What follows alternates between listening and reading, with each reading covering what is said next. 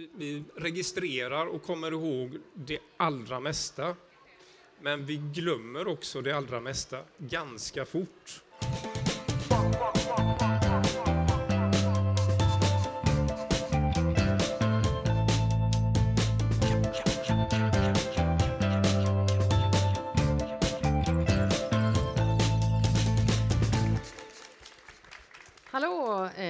Hjärtligt välkomna till vår podcast som vi spelar in live här idag och som sen går att eh, lyssnas på där poddar finns. Eh, vi spelar in som sagt ett avsnitt i Salgrenska akademins podd som heter Akademiliv. Och idag så är det Susanne Westergren heter jag och Margareta Gustafsson Kubista och vår eh, professor Erik Hanse som är professor i eh, neurofysiologi. Varmt välkommen! Och vi ska då som sagt eh, diskutera det här med minnet och att glömma. Och det är ju helt normalt, men Erik vet mer om detta. Eh, vi kommer att prata om sömn, vi kommer att prata om fysisk träning, relativt minne. Vi kommer att prata om fasta, relativt minne också. Eh, men vi tänkte börja med ett eh, litet exempel från en händelse. Vi ska backa några år i tiden till 1992, är det va? Ah. Där. Eh, om ni minns, en eh, fruktansvärd eh, katastrof nere i Amsterdam. Eh, ett eh, flygplan som var på väg från Schiphol till eh, Israel. Eh, det slutade med en brutal krasch in i ett bostadshus. Ett 50-tal människor dog vid denna händelse. I samband med detta gjordes det minnesforskning. Kan du berätta om det, Erik? Ja, det kan jag göra. Eh, Det var så att eh, en grupp forskare vid universitetet i Amsterdam eh, gick ut och frågade Eh, ett stort antal människor ett år efter den här olyckan vad de mindes kring olyckan, om de kom ihåg hur många som dog och de, kom, de frågade också om de kom ihåg de tv-bilder som visade när flygplanet kraschade in i höghuset här. Och på den här frågan så var det knappt hälften som kom ihåg de här tv-bilderna. Så gjorde man om den här undersökningen ett år senare, det vill säga två år efter själva olyckan och ställde samma frågor. Och på frågan då om man kom ihåg tv-bilderna så var det nu lite mer än hälften som kom ihåg de här eh, tv-bilderna. Det, visar, det, det, är det är nämligen så att det fanns aldrig några sådana här tv-bilder och det har aldrig funnits några tv-bilder. Icke desto mindre så var det ju då ungefär hälften som kom ihåg att de hade sett bilderna på hur planet kraschade in i höghuset. Och detta är ju någonting då som vi kallar för falska minnen. Och någonting som eh, belyser lite hur vårt minne fungerar. Och eh, man kan ju, det har ju, det har ju eh, vetskapen och kunskapen om detta har ökat ganska mycket senare år. Man tror jag tar nu stor hänsyn till detta inom rättsväsendet vad gäller vittnesmål och så. Men man kan ju också ställa sig frågan, vad betyder detta? Vad, vad, vad Eh, säger detta om vår minnesförmåga? Att vi är så pass kreativa när vi tänker tillbaka och vittnar tillbaka om vad som har hänt. Och det, det som det här sannolikt betyder, det är att eh, min, vårt minnes viktigaste funktion är inte tillbakablickande, alltså dåtid, utan den viktigaste funktionen för vårt minne är framåtsyftande, framåtblickande för framtiden. Att vi ska kunna simulera och förutse framtida händelser för att kunna förbereda oss på allra bästa sätt för framtida händelser. Och det är baserat på erfarenheter. Exempelvis så har jag aldrig tidigare varit i just den här situationen och stått här på Nordstadstorget och pratat om de här sakerna. Icke desto mindre så har jag erfarenheter som gjorde att jag kunde föreställa mig ungefär hur det här skulle vara och därmed förbereda mig. Men för att kunna göra det så måste jag ju koppla ihop olika delar utav mina erfarenheter och minnen på ett ganska kreativt sätt för att kunna föreställa mig en tänkt framtid händelse. Och det är väldigt bra, men vi gör alltså samma sak när vi tänker tillbaka på händelser som har skett. Vi är lika kreativa då. Och eh, det kan då ge upphov till sådana här saker som falska minnen som inte har, har ingenting med att göra att man ljuger eller så, utan det är bara en, en, en konsekvens utav hur vår minnesfunktion fungerar på ett kreativt sätt Så att... Eh, Fast li, lite ljuger man väl ändå, eller? Ja, inte medvetet på något sätt. Nej. Man är helt omedveten om, om detta, att man förlägger eh, olika händelser till samma händelser, händelser tillbaka i tiden. Det är man inte på något sätt medveten om. Så att det är inget medvetet ljug på något sätt, utan det är... Det är inte så, i det här fallet i alla fall. In, inte i det här fallet. Visst, man kan ju medvetet ljuga också, så att säga, men det är inte det, är inte det som är poängen här. Men detta är alltså rationellt för vår överlevnad då? Man minns hur olyckan ser ut för att kunna förbereda sig, det är det det handlar om? Ja, jag, jag vill hävda det att vår, vår eh, främsta uppgiften för vår minnesförmåga den är framåtsyftande, nämligen att att kunna förbereda oss så bra som möjligt på framtida händelser, undvika sånt framöver som har varit obehagligt tillbaks eller söka upp sådana saker som har varit trevligt, lära oss hur vi ska eh, hantera eh, och förbereda oss för framtiden. Så att minnes, minnets viktigaste funktion ligger kanske i framtid och nutid snarare än dåtid, vilket kan låta, låta lite paradoxalt, men det är så jag ser det i alla fall. Så man ska inte vara så bombsäker själv kanske på de minnesbilder man har. Det, finns, det kan finnas fel så att säga av en anledning. Det finns anledning att vara ganska skeptisk gentemot sig själv också när man återkallar minnen. Även om man känner sig väldigt säker så finns det anledning till att vara lite skeptisk. Ehm, det här med falska minnen, det ibland pratas det om det här med förträngda minnen, det är en annan sak, kanske man ska säga också. Ja, det, det är en annan sak och där, där, är, där är det väl lite mer osäkert så att säga i vilken utsträckning. För ibland så kan det vara, man pratar om, det kan ha samröre med falska minnen för det kan vara så att man har väldigt dåliga minnen för en händelse, alltså man har inte lagrat in eh, mycket från en händelse, speciellt om en händelse har varit väldigt stressfull. Och sen så i efterhand har man konstruerat falska minnen så att säga och det kan man ibland tolka som att det har varit undanträngda minnen men då har det egentligen kanske inte varit något att tränga undan från början eller väldigt lite att tränga undan från början. Men man tolkar det så i efterhand. Det kan vara så i en del fall i alla fall. Vad, vad, vad är det för någonting som, då, som påverkar vad vi minns? Vad är, det vi, vad är det hjärnan automatiskt minns och vad är det vi kanske glömmer? Hur sorterar den? Ja, för det första så... Jag skulle vilja påstå att vi, vi, kom, vi, vi registrerar och kommer ihåg det allra mesta. Men vi glömmer också det allra mesta ganska fort. Hur mycket? Alltså, om vi säger så här, vi, eh, en dag som idag så gissar jag att när ni kommer hem ikväll så kan ni ganska väl, om ni träffar någon, redogöra ganska bra i detalj vad ni har gjort, vad ni, när ni gick upp på morgonen, vad ni åt till frukost, vad ni gjorde sen, vad ni åt till lunch och att ni har varit här och, och så vidare. Ganska i detalj eh, berätta för andra vad ni har gjort under dagen. Imorgon kan ni också hyfsat väl berätta vad ni gjorde igår då. Men om en vecka, ja, om 14 dagar så är det om det inte är någonting som har stuckit ut speciellt idag så kommer, ni, kommer den här fredagen blurras ihop med andra fredagar och ni, om 14 dagar kommer ni inte ihåg vad ni åt till lunch idag, även om ni kommer ihåg det ikväll så att säga. Så att vi, vi registrerar och kommer ihåg det allra mesta, men vi glömmer också det allra mesta om det inte är något väldigt speciellt som engagerar oss känslomässigt eh, starkt. För då kommer vi att komma ihåg detaljer på ett mycket bättre sätt. Men om det inte är något speciellt som händer så glömmer vi av det mesta, skulle jag vilja påstå. Och detta är också rationellt, antar jag? Ja.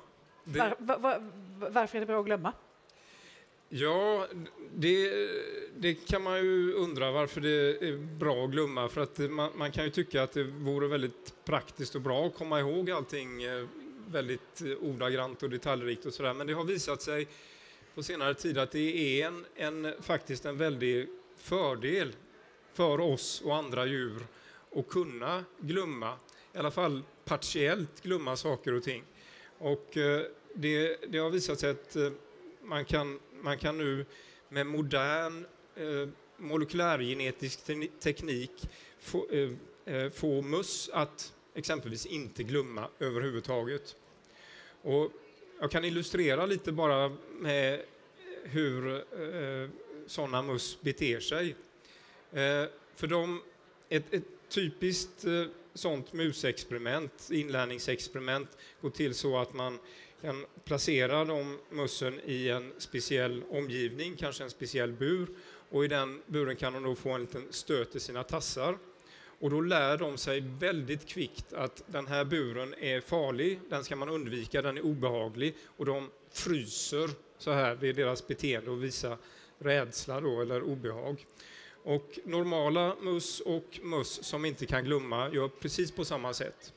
Men eh, möss, eh, eh om man återigen då placerar mössen i, i den här buren utan att de får någon stöt i tassarna, så normala möss lär sig efter ett par gånger när de har varit i den här buren utan att få en stöt att okej, okay, den här buren är nu inte längre farlig, det är lugnt, jag behöver inte frysa, jag behöver inte vara rädd. Men mössen som inte kan glömma, de slutar aldrig att frysa och vara rädda i den omgivningen där de en gång fick en stöt. De glömmer alltså inte detta.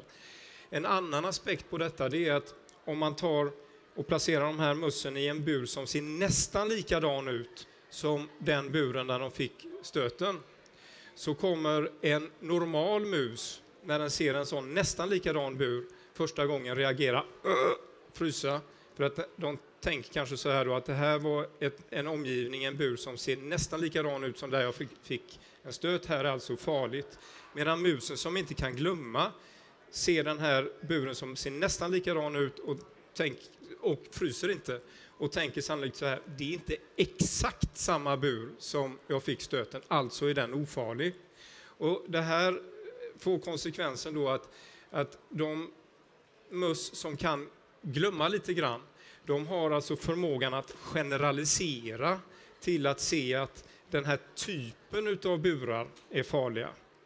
Den generaliseringen kan man inte göra om man inte har förmågan att glömma. Och det här har stora konsekvenser och implikationer för att vår förmåga att kunna generalisera, systematisera, se mönster i tillvaron är alltså beroende på att vi delvis glömmer detaljer för att stoppa in, att se att en hund är en hund även om det ser lite olika ut så att säga.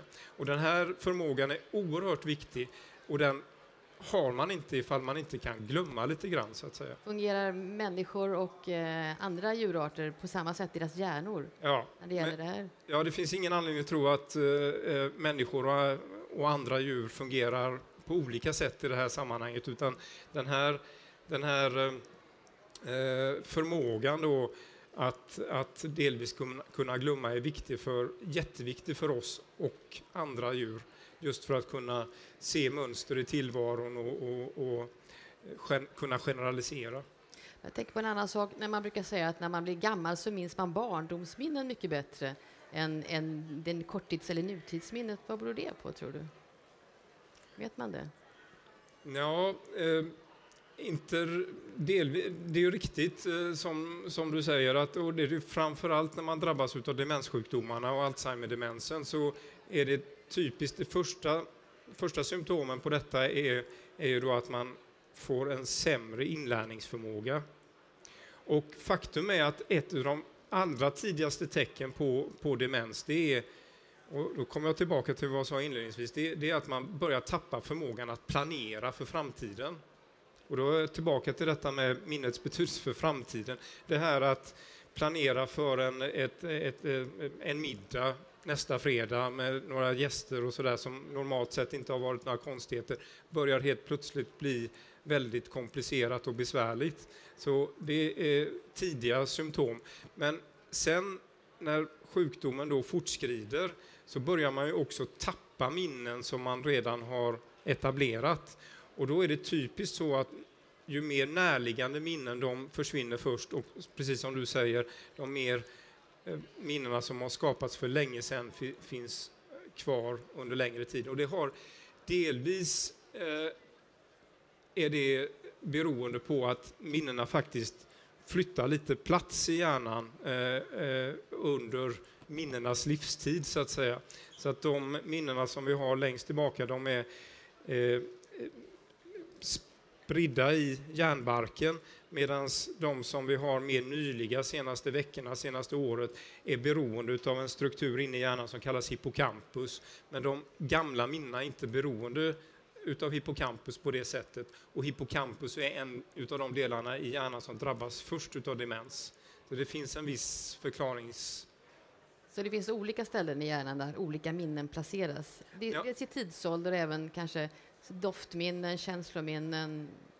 Ja, minnena generellt sett är ju, är ju vi brukar säga distribuerade. Alltså, det är väldigt många nervceller och synapser som är inblandade i ett och samma minnen och lite utspridda. Men eh, de eh, eh Typiskt handlar det om doftminnen så kan vi säga att det är stor sannolikhet att de är en viss del av hjärnan, de delar som hanterar dofter normalt. Är det synminnen så är det de delar av hjärnan som hanterar syn och hörselminnen och så vidare. Så att det, det finns en sån distribution, men vi har den här eh, delen av hjärnan som kallas för hippocampus som är nödvändig för oss för att lagra in nya minnen som har med fakta och händelser och så att göra. Finns det något enkelt sätt att beskriva fysiologiskt vad som händer i hjärnan när ett minne liksom etablerar sig?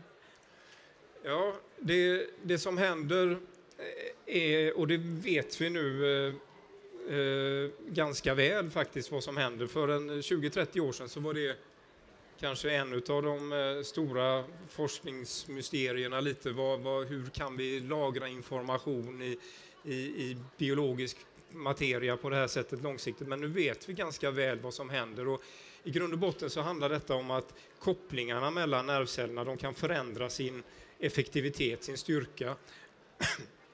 Och eh, man ändrar kopplingsmönstret. Så att, eh, för att ta ett exempel, om, om de flesta av er här ser eh, en grupp ballonger här, svarta och orangea ballonger. Och när vi tittar på de här ballongerna så är det hos er och hos mig så är det då ett antal nervceller, framförallt i synbarken, som blir speciellt aktiva när vi ser just de här ballongerna.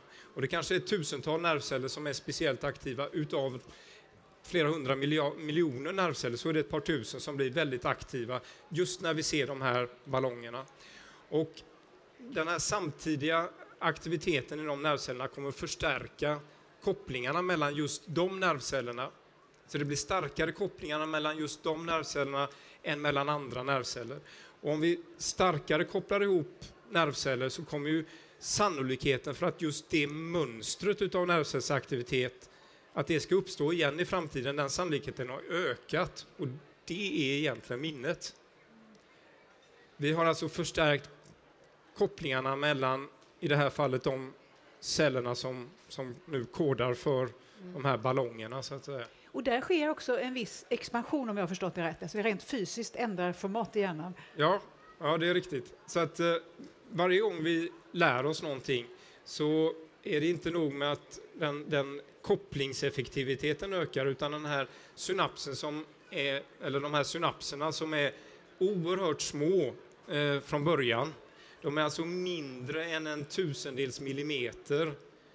Och bara för att ge en, en sån här jämförelse så kan man säga i en kubikmillimeter utav järnbark, en kubikmillimeter är ju som en brödsmula ungefär. Där får vi plats med en miljard synapser ungefär. Så att de är, de, är, de är inte stora, men de är många. Men icke desto mindre, varje gång vi lär oss någonting så blir de här små synapserna fysiskt lite större. Och lär vi oss under en händelserik dag väldigt mycket, så vi förstärker mycket, många av våra synapser, låt oss säga att vi skulle förstärka en procent av våra synapser så att de blir dubbelt så stora, så är det klart att då kommer hjärnan växa med någon procent, så att säga. Och det, så kan det inte fortgå. Vi kan inte, hjärnan kan inte växa och växa och växa för att vi har ett eh, skallben som begränsar detta. Vi skulle få huvuden stora som badbollar, så att säga. Det skulle inte gå. Utan vi har en, en process som motverkar detta och det sker under sömnen. Så att under sömnen så har vi en, en liten, liten, liten tillbakabildning utav de flesta utav våra synapser så att vi återställer eh, balansen så att säga och nästa dag är vi redo för ny inlärning om vi har haft en god natts sömn. Det, det finns något mer som kan hjälpa till eh, för att hjärnan ska må bra. Det är väl fysisk aktivitet? Ja. Det, det är också väldigt positivt för eh, hjärnans omformbarhet och vår inlärning med den fysiska aktiviteten.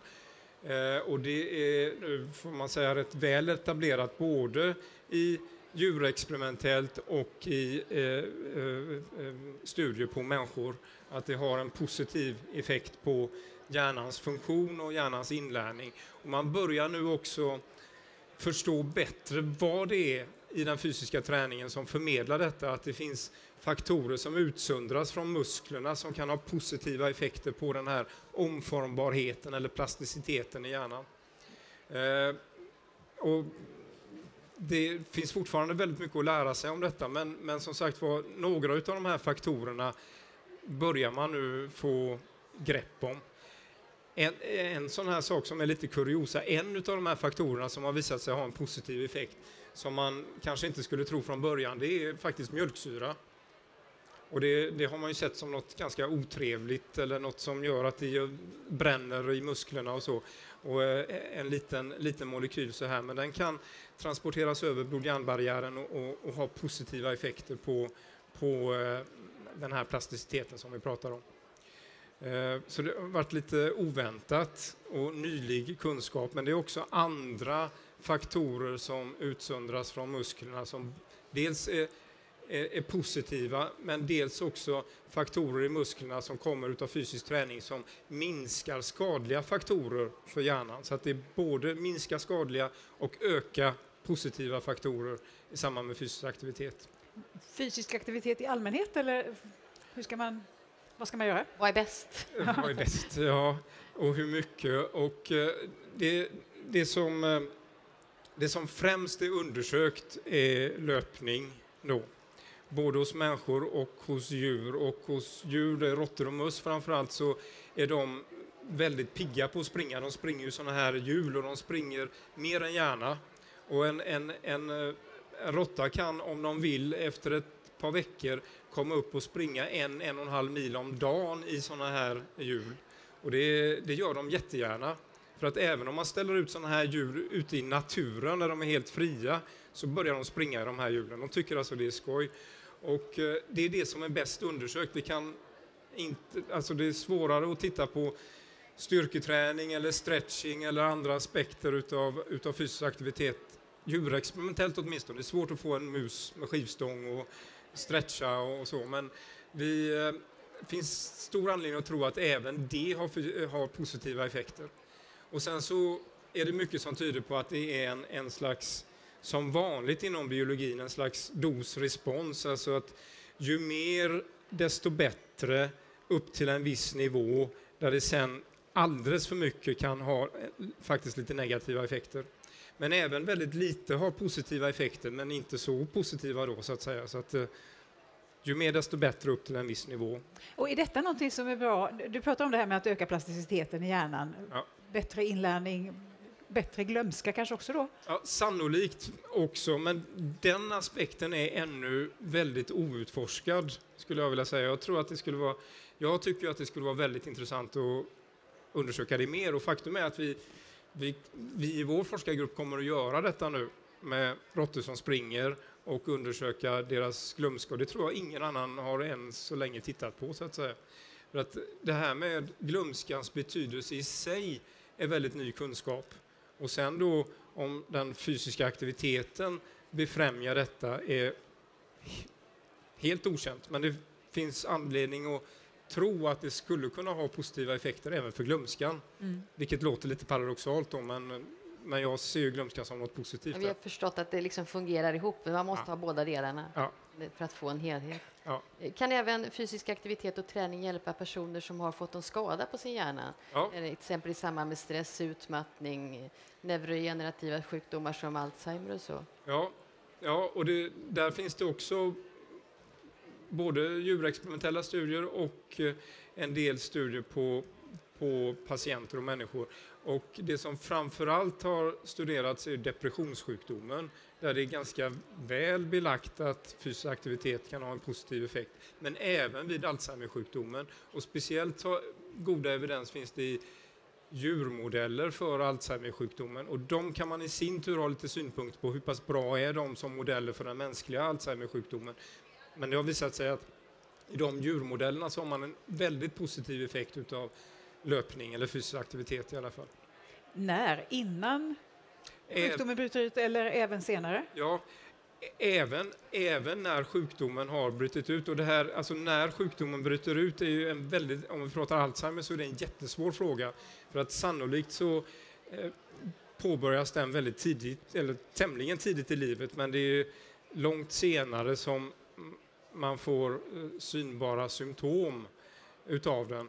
Men det finns anledning att tro att den fysiska aktiviteten i det här fallet har, har god effekt i alla stadier, eh, faktiskt.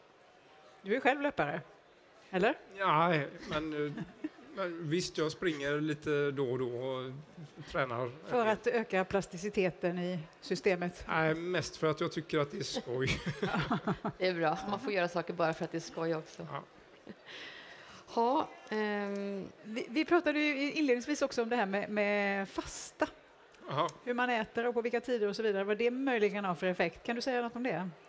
Ja, det, det har visat sig att eh, även eh, fasta Alltså, det pratas ju, det är ganska populärt nu att prata om sån här, man pratar om intermittent fasta. Eh, alltså att man eh, har 5-2 är ju ganska, man fastar två dagar i veckan, äter, eller Eh, 16-8 en annan sån här, man eh, fastar 16 timmar på dygnet och får lov att äta under 8 timmar.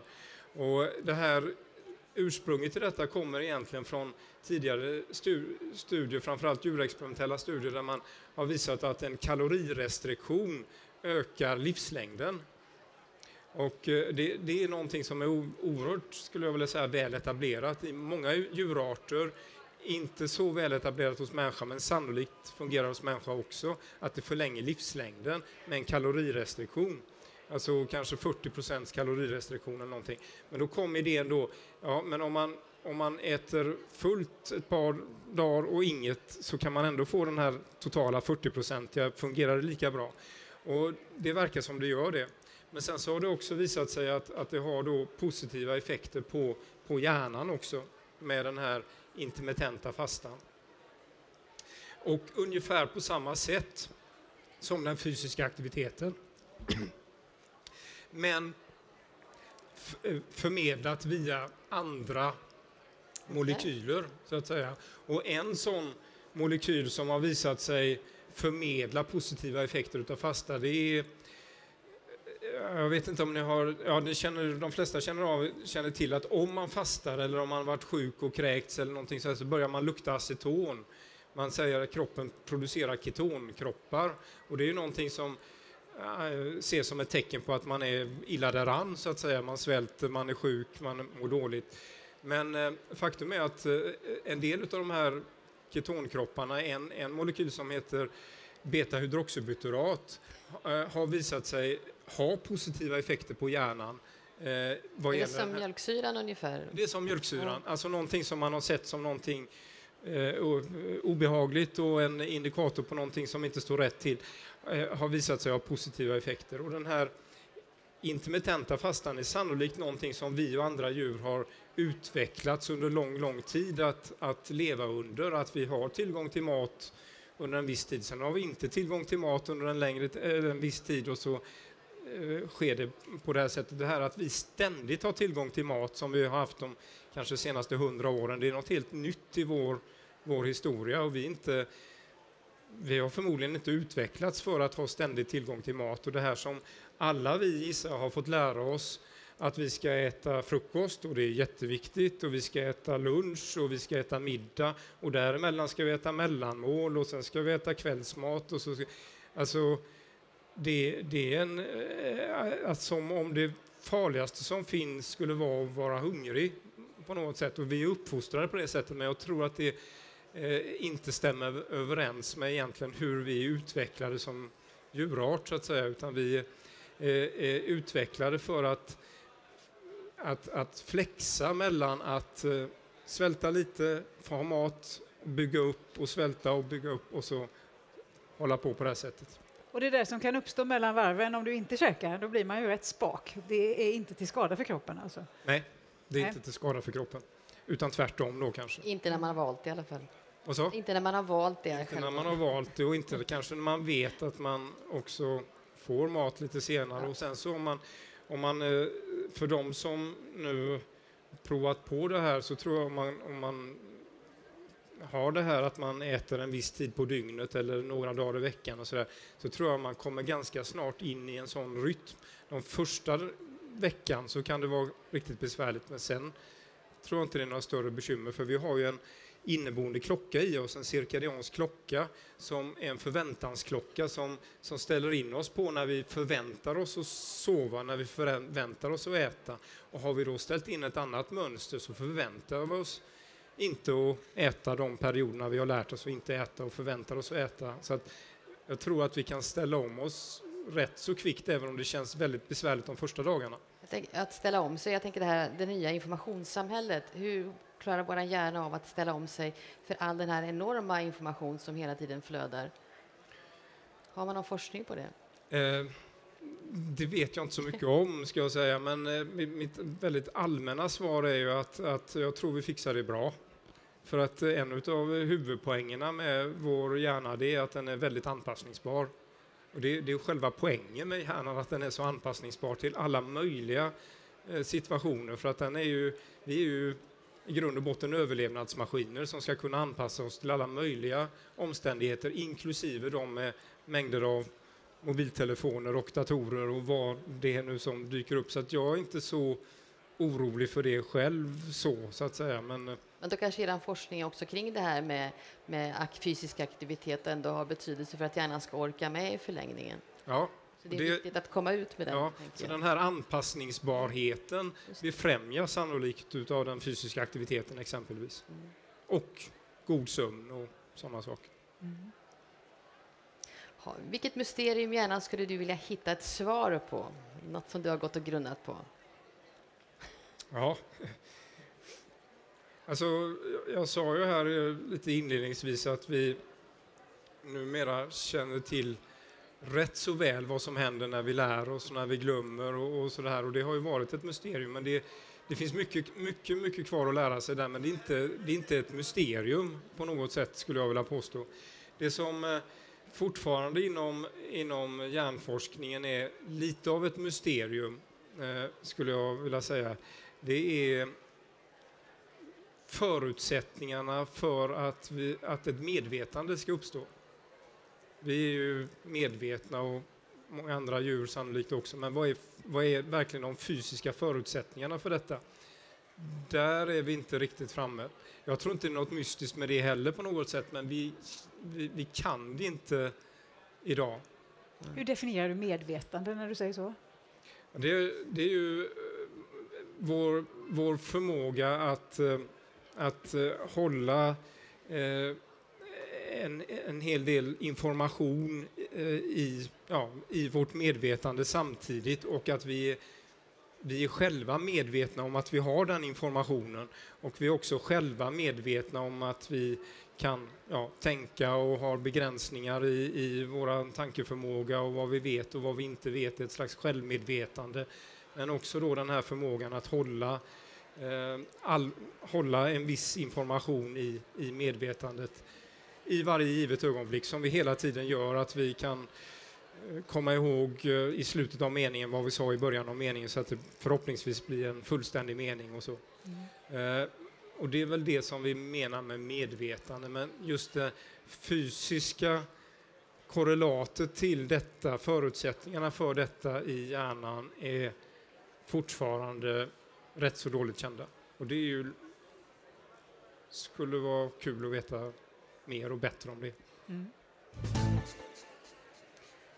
Ja, är det någon som har någon fråga att ställa till Erik? Så går det bra. Hej! Eh, oerhört intressant eh, eh, vill jag säga. Eh, det jag spontant tänkte på är att eh, det du nämnde om att vi inte Eh, ska komma ihåg allting, att det inte är bra för oss egentligen. Och det jag spontant kommer att tänka på är ju de människorna som benämns savanter, som kommer ihåg i stort sett allting. Ehm, de har ju en del andra felaktigheter som eh, social kompetens inte på topp eller på genomsnittsnivå som oss andra. Men, men jag tänkte på, hur, hur upplever de verkligheten och minns precis allting? Blir, blir det, blir det Eh, en jobbig tillvaro för dem eh, när de inte kan generalisera eller hur fungerar det i det, det fallet? Ja, jättebra fråga. Det, det, finns ju, det finns ju då de som har de här fantastiska förmågorna och, och verkligen inte glömmer och inte kan glömma. Man kan ha, man pratar om fotografiskt minne och, och så här. Det är inte vanligt. Eh, och ofta är det kopplat till eh, eh eh, autismsjukdomar. Så att säga. Man har personer med autism med de här speciella förmågorna. Men det som är intressant, väldigt intressant eh, är att det finns enstaka exempel på att den här typen av förmåga kan uppstå efter skador i hjärnan, efter tumörer och skador. Och det här tyder på att vi egentligen alla har den här förmågan latent, eh, men att den normalt är undertryckt hos oss. Och eh, det som, eh, det som sannolikt är bekymret för dem är då att de inte kan glömma, vilket då får problem, för de här personerna kan har väldiga svårigheter just som du säger med att generalisera. De har väldigt svårt med flexibilitet när saker och ting. De vill ha rutiner där allting är som det brukar vara. Man får inte ändra på någonting eh, för det stör så att säga. Och, eh, Eh, det här kan då vara väldigt handikappade. En del av er har kanske sett den här filmen Rain Man eh, som baseras just eh, det handlar om en sån här person och baserad på en verklig person som heter Kim Peaks som hade verkligen, jag tror han kunde liksom USAs alla tågtabeller utan till och, och sådana här saker. Alla flygbolags uh, olycksstatistik. Ja, sådana saker. Ja. Men han kunde inte knyta sina skor själv. Han behövde en personlig assistent. Hans pappa var personlig assistent. Så att till, i förstone kan den här typen av förmåga då synas väldigt eftertraktad eller eftersträvansvärd, men det innebär bekymmer. Det innebär att det är på bekostnad av den här förmågan att kunna se mönster i tillvaron, generalisera. Och möjligtvis är det så att, att eh, personer med eh, autism att ett, eh, ett gemensamt drag för dem skulle kunna vara att de har svårt att glömma. Eh, det, det, är en spekulation än så länge från min sida, men, men det, det, det, skulle kunna vara ett gemensamt drag, trots att det finns väldigt många olika orsaker till de tillstånden. Kan man styra vad man vill minnas och glömma? Ja, det, det är nog lite svårare att svara på, tror jag. Alltså en, en sak som är väldigt betydelsefull jag, jag sa att inledningsvis att vi registrerar och minns det allra mesta, men sen så glömmer vi också det allra mesta om det inte händer någonting speciellt efteråt. Och det, det som är speciellt efteråt, det ska vara någonting som är emotionellt engagerande. Och för att då tenderar de här minnena att bli mer stabila. Eh, bara för att ge kanske ett fånigt exempel. Jag pratade här om att eh, om 14 dagar så kommer ni förmodligen ha glömt vad ni åt till lunch idag. Eh, om det inte var något speciellt. Men om ni åt lunch idag vid 12-tiden och sen så efter det här föredraget började kräkas eh, som om att ni fick en matförgiftning utav den här lunchen. Då är jag alldeles övertygad om att ni kommer att komma ihåg den lunchen, inte bara om 14 dagar utan sannolikt också om ett år efteråt. Och detta, då är det någonting, ett väldigt eh, emotionellt engagerande sak som har hänt efter ni lagrade det här lite labila minnet om lunchen. Och då kommer det komma, kommas ihåg väldigt, väldigt starkt för lång tid. Men det är ju ingenting som man väljer på det sättet, utan det är ju saker som händer som kan då påverka hur stabila våra minnen är. Så att, men, men om man ska som exempel, om man nu vill komma ihåg vad som sägs nu under den här eh, podden här, och eh, så, så, ska man ju försöka att emotionellt engagera sig under tiden man lyssnar. Och det som är det allra bästa sättet, som jag brukar säga, att verkligen komma ihåg vad man har hört i ett sånt här sammanhang, det är att efteråt gå och berätta för någon annan som inte var med. Berätta för dem vad ni hörde. För att när man återberättar själv, akt, aktiv återhämtning, så tenderar det att bli eh, stabila minnen. Eh, så att eh, det är ett råd jag brukar ge till studenterna när de eh, är på föreläsningar och så. att Gå hem och berätta för andra vad ni har hört idag så kommer ni komma ihåg det här framöver. Så att säga. Okej, tack så mycket Erik. Eh, då kan ni göra så att ni kan lyssna på vår podd igen.